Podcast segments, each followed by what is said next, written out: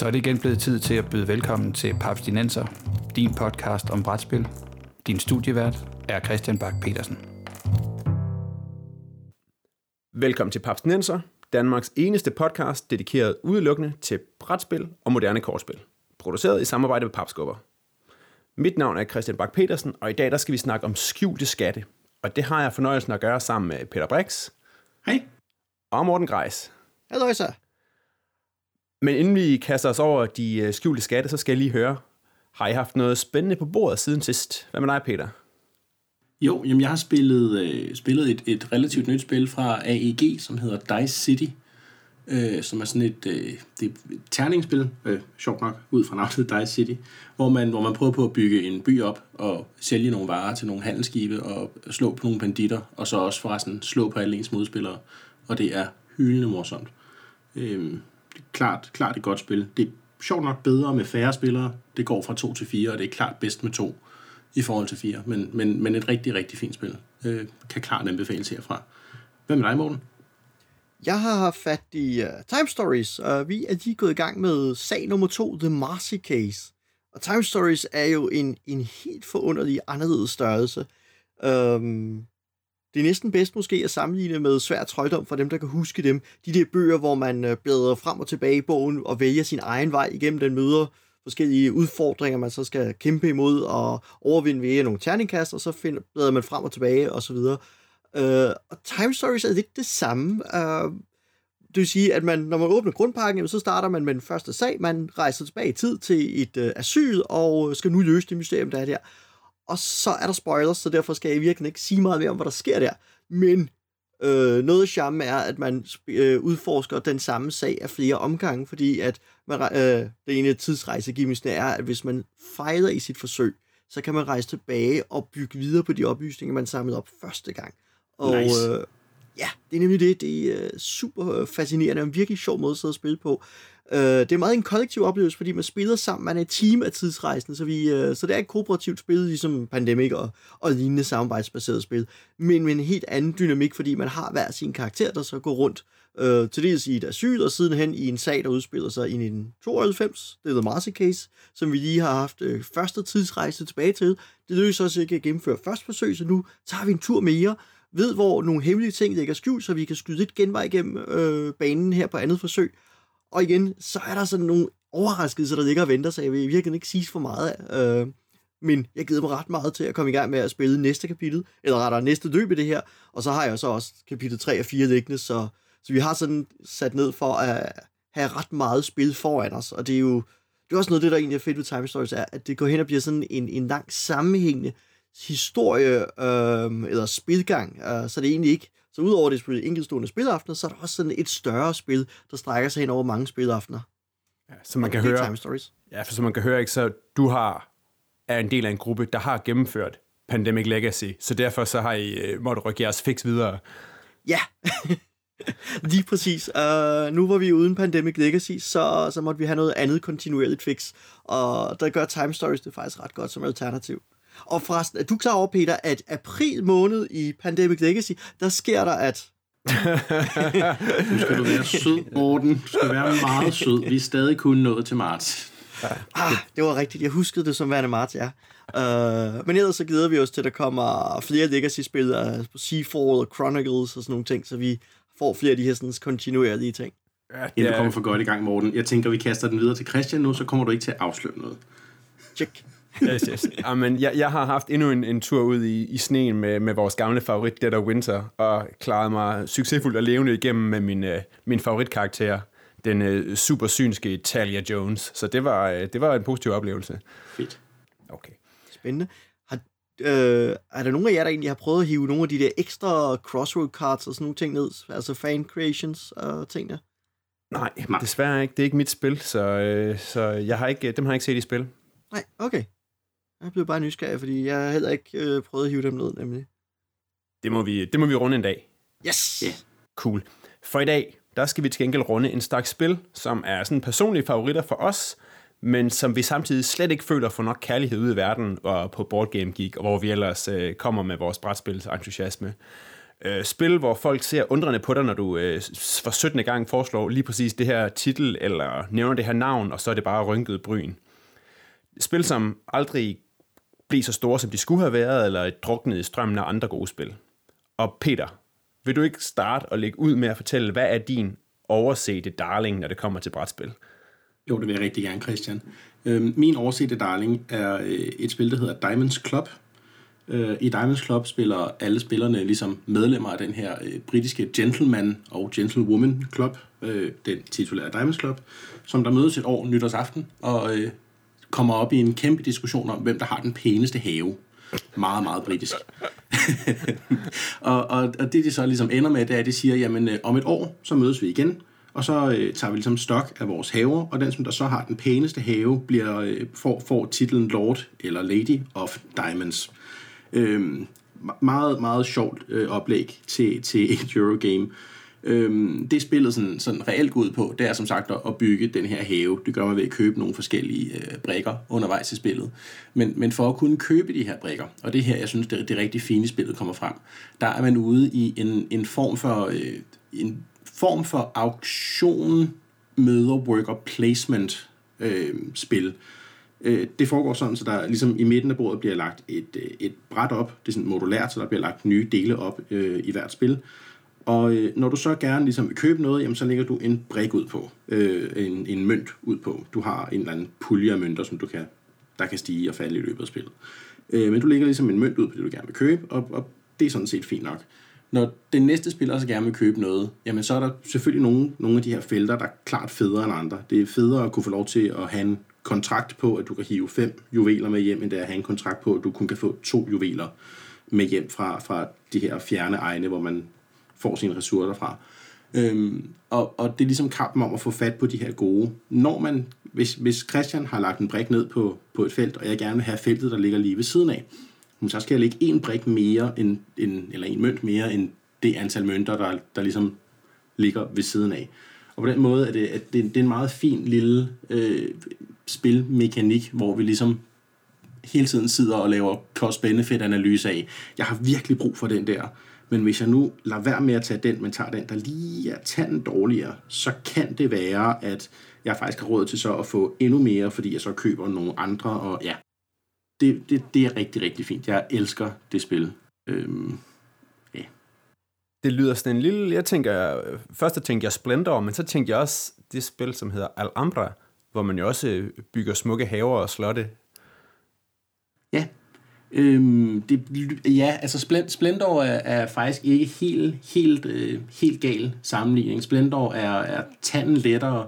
Splendor har ligesom kun den her del af spillet, hvor at, at Diamonds Club også har en, øh, jamen nu har jeg så købt de her brækker ned, så skal jeg ligesom bytte dem til en anden ressource. Når jeg så har byttet dem til en anden ressource, kan jeg købe øh, kan jeg købe ting i markedet, som jeg sætter ud i min have, og det giver mig så point. Øh, ligesom at, at, at Diamonds Club også har sådan en, øh, der er noget kamp om, hvem der skal gå først i en runde og sådan nogle ting. Så, så, så det minder, selve, selve den her del, der er den, jeg elsker meget højt, minder om Splendor. Øh, og det er også, nok også derfor, jeg synes, Splendor er så fantastisk et spil, som jeg synes, det er. Men, men Diamonds Club er bare lige tanden mere komplekst. Det er, det er ikke et, jeg ville hive frem med min svigerfar. Det vil, har, vil jeg og har jeg gjort med Splendor. Okay. Morten, har du nogensinde øh, havde du hørt om Diamonds Club, før han, Peter han smed det på bordet her i Papsnenser? Nej, det har faktisk ikke. Øh, det er Peter, til trods for, at jeg jo hænger ud med Peter fra tid til anden og spiller spil med ham, Peter, så er det jo ikke en, han har hivet frem og lige sådan smidt på bordet med et brag og sagt, så skal der spilles. Øh, men derfor lyder det jo stadig ikke, øh, altså det lyder jo egentlig ganske interessant. og det lyder da som noget, jeg gerne vil prøve en dag.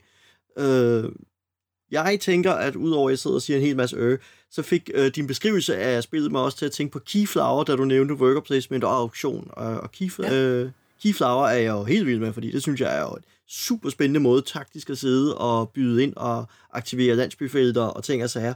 Er der en lighed også i den retning, eller hvordan? Ja, det er faktisk, det er faktisk meget rigtigt. Keyflower er altså bare tanden tungere igen end Diamonds Club. Mm, så, så, så, så vi har ligesom fået placeret det her et sted mellem Splendor og Keyflower. ah, det lyder smukt. Det, så, ja. så synes jeg, Diamonds Club lyder absolut noget, jeg gerne vil prøve. Okay. Fedt. Men Peter, hvorfor, når det nu er så godt, hvorfor er Diamonds Club så ikke blevet verdens største spil? Hvorfor er det ikke lige så stort som Splendor? Mm, det, det, det er der øh, en rigtig, rigtig god grund til. Spillet er udgivet på tysk, og kun på tysk, i et oplag i 2008. så så øh, jeg ved ikke om Ravens, det er Ravensburger, der har udgivet det. Jeg ved ikke om de ligesom, om det ikke har solgt særlig godt, øh, eller hvad det er. Øh, jeg har selv købt det i en, en tysk spilbutik første gang, jeg var på ferie i Berlin, hvor at det blev ligesom købt på, at æsken så fin ud. Øh, de her, der er billedet de her fire øh, gentlemen og gentle ladies på forsiden, og den ene af dem ligner Hugh Jackman rigtig meget, og jeg synes, det er meget fascinerende. Og det er, altså, det er næsten en bonus, ikke, at det, er sådan, at det er købt i blinde, og det så bare viser sig at være virkelig godt. Ja. Fedt. Morten, jeg tænker, du også har i hvert fald en brætspilskat, som hele verden burde spille mindst en gang om måneden. Ja, det har jeg. Uh, jeg har virkelig et par stykker, men jeg har valgt at stå ned på en, som jeg har en særlig forkærlighed for, og det er Helvetia. Helvetia er øh, også sådan en worker placement ressourcetype, sådan bedste Eurogame type, øh, hvor vi øh, bygger om kap, vi prøver at blokere for hinanden, og det er sådan rimelig harmløst, og det har et meget jordnært tema. Det foregår, øh, det handler ikke om skrifttyper trods titlen, men foregår øh, foregår i Schweiz i stedet for, hvor vi øh, bygger landsbyer, og øh, de her små schweiziske bjerglandsbyer, de øh, indgår i et netværk af ægteskabsrelationer hinanden imellem. Så øh, hver spiller bygger sin øh, landsby op, og så sætter man øh, erhverv, eller så gifter man sine arbejdere ind i de andre spillers landsbyer. Så jeg kan gifte en af mine øh, kvindelige familiemedlemmer over i øh, til Christians øh, Sagter, jeg kan øh, gifte en af mine mænd over til... Øh, til Peters bagerjomfru, og så kan jeg trække på de felter, de har liggende over deres landsbyer. Men man kan også, når man har et ægtepar, bruge de, øh, dem til at sætte nye arbejder i øh, arbejderbrækker, øh, eller nye brækker i spil. Øh, så det vil sige, at når man har et ægtepar, jamen, så kan de faktisk generere et, et barn, ikke så usædvanligt der, men det er meget charmerende. Så kommer der børn, og dem sætter man i skole først, og så kommer de hjem og bliver giftet ud i nye landsbyer, eller sat ind i hvide værksteder i ens egen landsby, som man bruger til at skaffe de nødvendige ressourcer til at få de nødvendige øh, sejrspoint med osv. Og jeg synes, det har en enorm charmerende tematik omkring sådan noget, øh, hvad skal jeg sige, hverdagsliv i 1800-tallet. Det er ikke specielt pompøst eller noget, men det er sådan et, et fint lille billede på øh, ægteskabsrelationer, og hvordan netværk sådan eksisterer mellem små landsbyer. Øh, og det, det har jeg, hvad skal jeg sige, tabt lidt med hjerte til. Øhm, Men det er det, sjovt. Det er Helvetia. Det er sjovt, fordi jeg tænkte jo lige med det samme. Først der tænkte jeg, jeg tænkte lidt, øh, jeg tænkte lidt agricola, sådan det der med, man kan sådan bygge sit univers op, og så tænkte jeg, hey, Among Nobles, har I bare taget Helvetia og øh, smækket, øh, smækket gamle kongelige på? Uh, det er... Øh... nu tror jeg ikke, at man kan beskyde Among Nobles for det. Um, men der er da helt klart en, en, en, en, øh, en nogle ligheder der, men jeg synes... Men jeg tror, det, ideen med ægteskab, er, det, den er jo nok også set i andre steder. Så vidt jeg husker, har du da også, Christian, et gammelt uh, GV-spil der med nogle ægteskaber, eller hvordan er det? Oh, det er rigtigt, det er rigtigt. Nu sidder jeg nu ikke engang huske det. Hvad hedder det? Noget med Empires. Ja, jeg, har siddet, jeg har siddet og rystet med, med kassen i hvert fald. Hvor man også, yes. det er der, det, hvor man ruller stats. Vi finder Præcis. lige ud af, hvad det hedder, og, øh, og lægger et link op. Ah, smukt. Øh, og der er ja. også det der franske, og findes også i andre sprog, FIF, uh, France 1429, uh, hvor man jo også kan sende ægteskabsmedlemmer ud og, og blive gift med hinanden og indgå dynastiske ægteskabsalliancer og sådan nogle ting. Ah. Uh, men jeg synes, Helvetia har sin egen måde, fordi den viser også meget godt, hvordan man sådan sender uh, gifter sine børn bort ind i andre familier, andre steder. Og det giver en, en sjov mekanik uh, med, at man så kan aktivere felter hos andre spillere, uh, som jeg synes at øh, et, sådan et, et godt twist på, at, at jeg kan bygge mit eget felt, ligesom jeg bygger min egen gård i Agricola, og så, øh, men i modsætning til Agricola, så kan jeg sende mine børn over i de andre spillers byer. Um, øhm, jeg tror, Oret Labore, som jo også er Uwe Rosenberg, man bag Agricola, har lidt det samme i det, man kan have en app, man kan sende ind i de andre spillers klostre og aktivere felter. Um, lidt mere sådan, at man hijacker felter i Oret Labore, hvor, øh, hvor at Helvedia har en lidt anden tilgang til det, fordi at alle har lidt en fordel af, at man får en ægtefælde, fordi det åbner op for, at man bedre kan sætte børn i spil, og, der giver, og man har nogle interesse i at gøre det som spiller, fordi man får adgang til nogle flere action tokens, som dukker op i form af en slags medgift. Okay. Det er sjovt. Det, beskrivelsen minder mig også lidt om et spil, jeg har kickstartet, som snart burde lande, der hedder New Bedford, hvor man ah. bygger sådan en, en, en valby i, uh, i Nordamerika. øh, ja, også øh, sådan, måske lidt længere, til, lidt, længere, lidt længere tilbage. Og der er der nemlig også det der med, at man kan købe dele af byen, men man kan også godt placere sine workers over hos andre folk. Øh, det lyder meget fedt. Sværhedsgraden på Helvetia, Den er, hvad skal man sige, lidt det, man kan kalde et, et familie plus spil. Det vil sige, hvis man, øh, hvis man er klar til at gå lidt videre fra Stone Age, eller har spillet en del Fresco, eller, eller Agricola for den sags skyld, så, så kan man roligt sætte sig ned og spille det her. Uh, hvis ens referenceramme er lidt mere sådan Ticket to Ride, så, så er det et skridt opad. Så, er det sådan, så bliver det noget sværere. Der er lidt mere tænkeri over det her. Lidt mere samspil, man skal tage højde for. Uh, så, så bliver det et mere udfordrende spil. Så det er sådan for den øvede familie af brætspillere, men ikke nødvendigvis, fordi man skal identificere sig som gamer og være brætspillets entusiast uh, af en, et sådan omfang, så vi der sidder her og snakker løs, er det. og den her... Ah ja, det er godt. Altså, og den her... Det er sjovt, du siger det, Morten, fordi Helvetia, det er et af de her spil, der giver mig hovedpine hver eneste gang, jeg spiller det. jeg, jeg, jeg, ved ikke, hvad det er. Øhm, jeg, jeg, jeg tror, det er uh, Mathias Kramer, som, som er designeren af det. Jeg har et gang læst et interview med ham, hvor han fortalte, at hans mål med Helvetia, det var at sætte sig ned og lave sådan et uh, klassisk uh, handelsressourceagtigt uh, spil, hvor der ikke var nogen ressourcer. Der måtte, der måtte simpelthen ikke være nogen små kuber, man skulle sidde og flytte rundt med, for han var træt af, at Eurogames altid blev kaldt for cube pushers på engelsk, altså kubeflyttere. Ja. Øhm, og, og der er et eller andet i det der med, at man laver sådan nogle kædereaktioner i spillet, hvor at, jamen, hvis jeg gerne vil lave ost, så, så aktiverer jeg min, min egen øh, malkepige, og så aktiverer jeg Mortens, fordi jeg jo har giftet mig ind i hans osteri, så aktiverer jeg noget derovre, og der, der sker et eller andet der inde i mit hoved, hvor jeg simpelthen bare får hovedpine efter at have spillet det. Jeg elsker spillet virkelig højt. Det er virkelig, virkelig godt. Men jeg kan simpelthen ikke, øh, altså det skal være, det, jeg skal ikke spille noget svært bagefter. Jeg skal virkelig spille noget let. ja.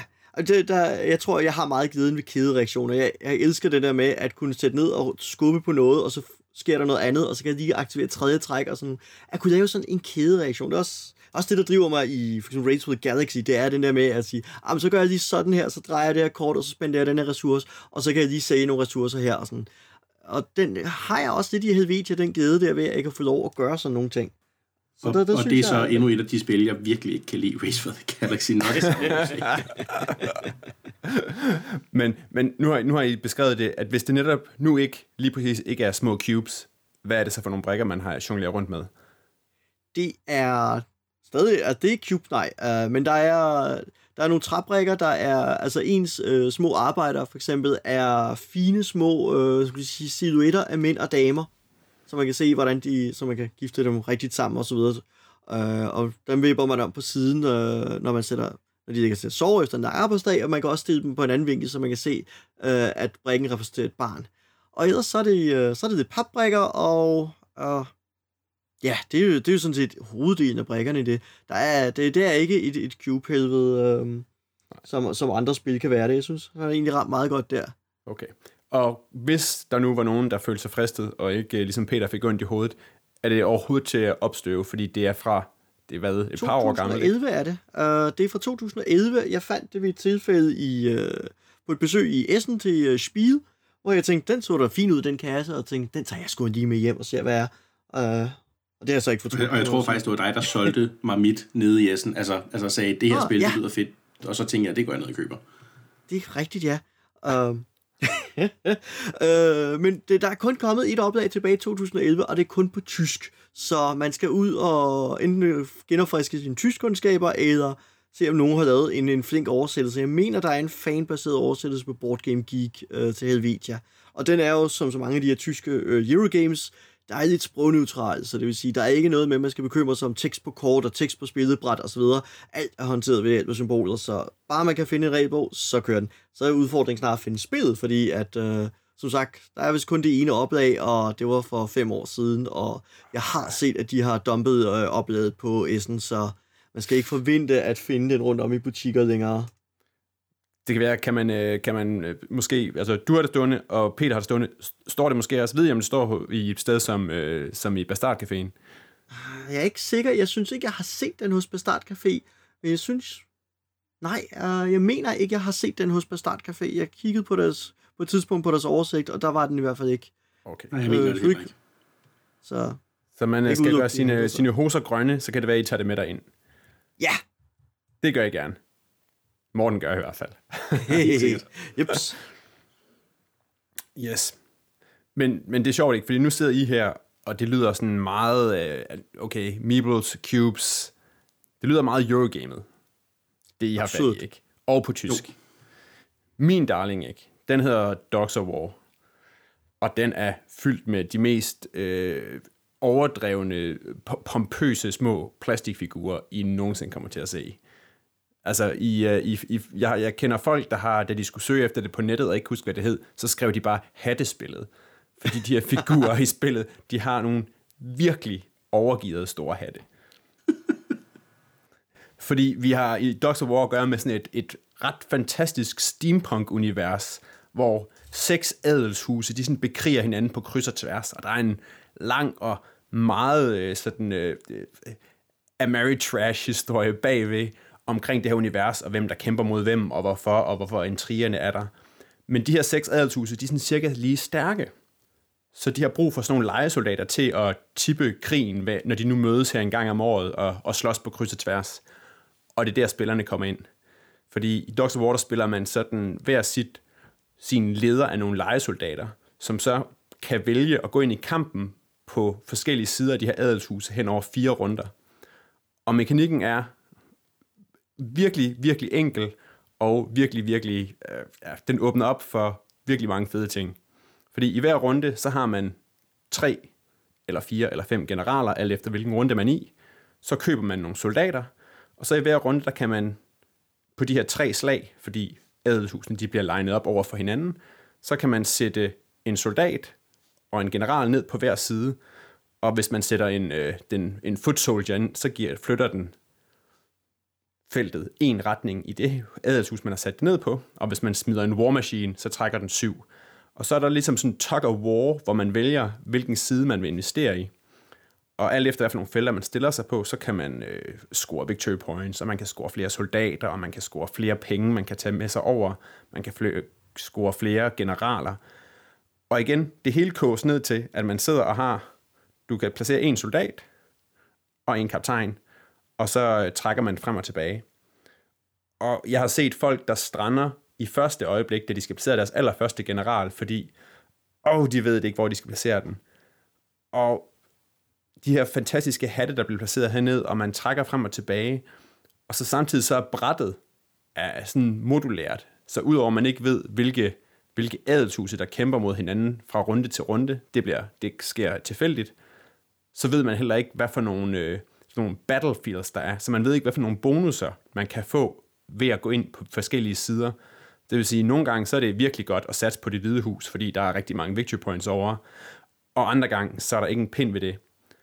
Og så samtidig så kan man score aktier i nogle af de her huse, så hvis man så hvis man i takt med, at det ene, de forskellige huse, de vinder, så stiger de i værdi. Så jo flere aktier man har i de vindende huse, jo flere victory points får man til sidst.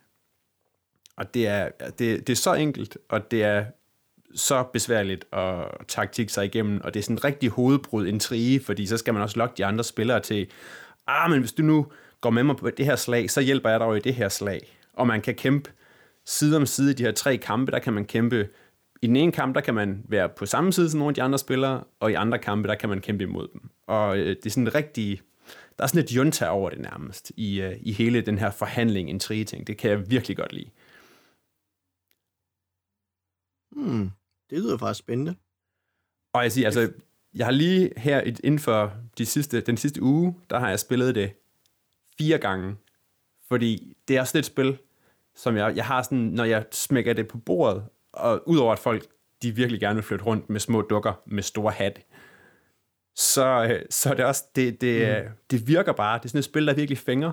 Jeg har endnu ikke sat det på bordet for nogen, der ikke med det samme tænkt, åh ja, det her, det er et godt spil. Det lyder sgu fedt. Øh, Hvor lang tid Det tager det? Jamen, jeg vil sige, det kan, det kan koges ned til at spilles på pff, halvanden time, mm. hvis man spiller lidt tight. To timer, hvis man er fem. Fedt. Jeg, jeg blev sådan lidt ja. nervøs på et tidspunkt i din, i din fortælling om, at vi var ude i sådan et riskspil, der varede hele natten. Øhm, Nej, nej, overhovedet det, ikke. det, det Også gør for- det meget mere interessant for mig. Ja, fordi ja. man har kun et begrænset antal generaler, det vil sige, man i den første runde, der har alle spillerne tre generaler. Det vil sige, du har maksimalt tre actions, tre steder, du kan sætte ind. Det vil sige, det begrænser sådan helt naturligt, hvor meget udtrækning det kan være, og hvor langsomt det kan blive. Øh, og selv, sådan net, selv når man ikke er på, altså selv med fem spillere, så kører den jo en runde, så er, der, øh, så er man sådan hele tiden op over, fordi man skal sidde og holde øje med, hvordan de her slag de rykker sig. Og der er sådan nogle fine mekanikker i forhold til, at man må, hvem der må vælge, hvem der spiller først. Fordi hvis man spiller først, så kan det være, at man må sætte sig ned på de, på de fede, fede battlefield-felter. Så kan man sige, ah, men hvis jeg sætter min en general som den første, så går jeg ned og tager det felt, hvor jeg får en gratis war machine, som sådan er virkelig vild. Men samtidig så er der også en kæmpe fordel i at sidde i baghånd og være den sidste, der placerer en af sine generaler og sin soldat, fordi så kan man tippe slaget i en eller anden retning. Øh, det fungerer virkelig godt. Er det spændende? Jeg, jeg er frisk, Christian. Du tager det bare med en dag. Jamen, øh, det, er, det er en aftale. Ja, det er sjovt, det får mig til at tænke meget på togspil faktisk. Uh, Paris Connection og nogle af de andre togspil. Uh, ideen med aktier og ideen med at bygge uh, på ting, fordi du har jo i nogle togspil, der bygger man på ruter, og så investerer man i dem, og man kan nok andre spillere til at købe aktier i dem, man kan være fælles om at bygge på det, og man kan så videre. Uh, så et eller andet sted giver det mig sådan et, et vibe af, at man har taget konceptet bag nogle togspil og søftet over et helt nyt univers og givet det et, et andet tematik øh, og gjort det langt mere langt mere sexet egentlig, fordi det lyder væsentligt sjovere det her, end, end at sidde og investere i et togselskab og bygge ruter hen over den amerikanske prærie. Uh, men, men der er sådan et eller andet vibe i, i beskrivelsen af spillet, der sådan får mig til at tænke, hmm, togspil. Jamen, det er rigtigt. Det er, en, det er en god pointe, det der med, at netop at man kan være sammen om at bygge noget rute, og så samtidig, så vil man jo, man skal også sidde og holde øje med, at der ikke er en, der løber med, med alle de, de gode, og øh, altså, det vil sige, det er faktisk det største problem, jeg har spillet det rigtig mange gange. Jeg tror, jeg er nu op over at have spillet det 15 gange. Uh. Øh, og det der med, at man skal huske at prøve også at holde øje med, altså der, der sker så meget, at det er svært ikke bare at sidde og fokusere på sin egen stash, man, må føre, man sidder med sine ting nede bag sådan nogle små skærme, så man ved heller ikke, hvor mange aktier de andre folk har. Så det skal man også holde øje med. Og der er, altså selv efter 15 spil, der glemmer jeg det hele tiden. så der er altid nogen, der snyder mig, og så pludselig siger de, ha, det var mig, der havde syv aktier i House Tornborn, og de er så fire victory points hver, og det er det, der tipper det hele. Uh, det lyder som en god sejr. Øh, og så også, øh, en af de andre sjove ting er også, at øh, alle spillerne, hver spiller har en en specifik rolle, og de er også nogle meget øh, flamboyante folk, ja, som sagt med store hatte, eller øh, mærkelige robotter, eller øh, øh, mærkelige ridere. Og de har alle sammen en særlig evne. Så, mm. øh, så der bliver også noget, altså der er sådan The Nameless Conqueror, som når kampen er færdig, så kan han, må han få lov til at rykke den der war track, det der tug of war mellem de huse, hvor han er med, så må han rykke de to i hans favør. Så der kan han lave den sådan et sidste twist, og der er nogen, der får ekstra victory points, hvis de er på siden på en siden sejr, som, som sådan topper, altså scorer øverst på, på Wartracken. Så man skal også, der er sådan forskellige øh, folk, der er fede at, at spille sammen med. Og der vil sige, det er måske en af de spillets små problemer, det er, at de her, øh, de her forskellige karakterer, man kan spille, de er ikke sådan, de er ikke lige balanceret. Altså, mm. hende med den største hat, hun er klart den bedste. Okay, gå efter størrelsen af hat. Check. Præcis, det er der slet ingen tvivl om. øhm, og så er der også et spil, som, som mm. lider, tror jeg, fordi, altså, I lyder solgte. Alle, alle mm. folk bør sus ud og, og købe det her. det lider lidt under, det er et, det er et Kickstarter-spil fra 2014. Og i Kickstarteren, der gjorde de det, som for nogen, øh, for nogle brætspillere, eller brætspilskøbere, er, er det forbudte. De lavede, de lavede spilmateriale, som var øh, på en eller anden måde øh, virkelig sejt, men som var Kickstarter exclusive. Mm. Det vil sige, pludselig så de lavede, i grundsættet, der er der fem forskellige øh, soldater, man kan være. Hvis man havde mm. Øh, smidt fuld skrue på Kickstarteren, så var der øh, fire ekstra. Det vil sige, der var nogle folk, der tænkte, Nå, hvis jeg ikke får de her fire ekstra, så har jeg jo sådan set kun det halve spil. Fordi så følte de ligesom, så er der jo en masse fedt materiale, som jeg ikke kan få. Og så, så kan jeg ikke rigtig nyde bare grundæsken. Og de der Kickstarter exclusives, de blev ikke sådan, de kom ikke ud efterfølgende som, øh, som en, en, et supplement eller noget. Så, så jeg tror, der var en del, der stod af allerede der, fordi om hvis jeg ikke var på Kickstarteren, så, så kan det også være lige meget. Ja, det er sgu ærgerligt. Det, det lyder som et godt mm. spil i hvert fald. Ja. ja, den er der heldigvis stadig til at finde rundt om butikkerne, og så, så den er i modsætning til Peter som i hvert fald ikke utilgængeligt, uh, hvis, man, hvis man kan undvære de her sådan, uh, Kickstarter exclusives. Og ellers så kan de også, altså, fordi jeg vil sige, jeg købte mit brugt, bare mm. sådan, det blev, det, jeg tror, det var en, sådan en Facebook-gruppe, og så kunne, var det i, i nabolaget, og så gik jeg ned og købte det, og så havde jeg spillet to gange, og så tænkte jeg, det her, det er så godt. Jeg, jeg må simpelthen have fat i de her Kickstarter exclusives også. Og så fandt jeg dem til sådan en, altså, lidt, lidt dyrt, men, men slet ikke, men ikke, ikke sådan øh, budgetvæltende på, øh, på eBay, så de, de kan lade sig gøre og, og trække ned. Øh. Okay, men gør de så meget for spillet her? Nej, nej, overhovedet ikke. Det er faktisk det største problem, det er, at de der fire, de er slet ikke, de, de er slet ikke så balancerede som resten af spillet. De er, oh. de er ret underpowered.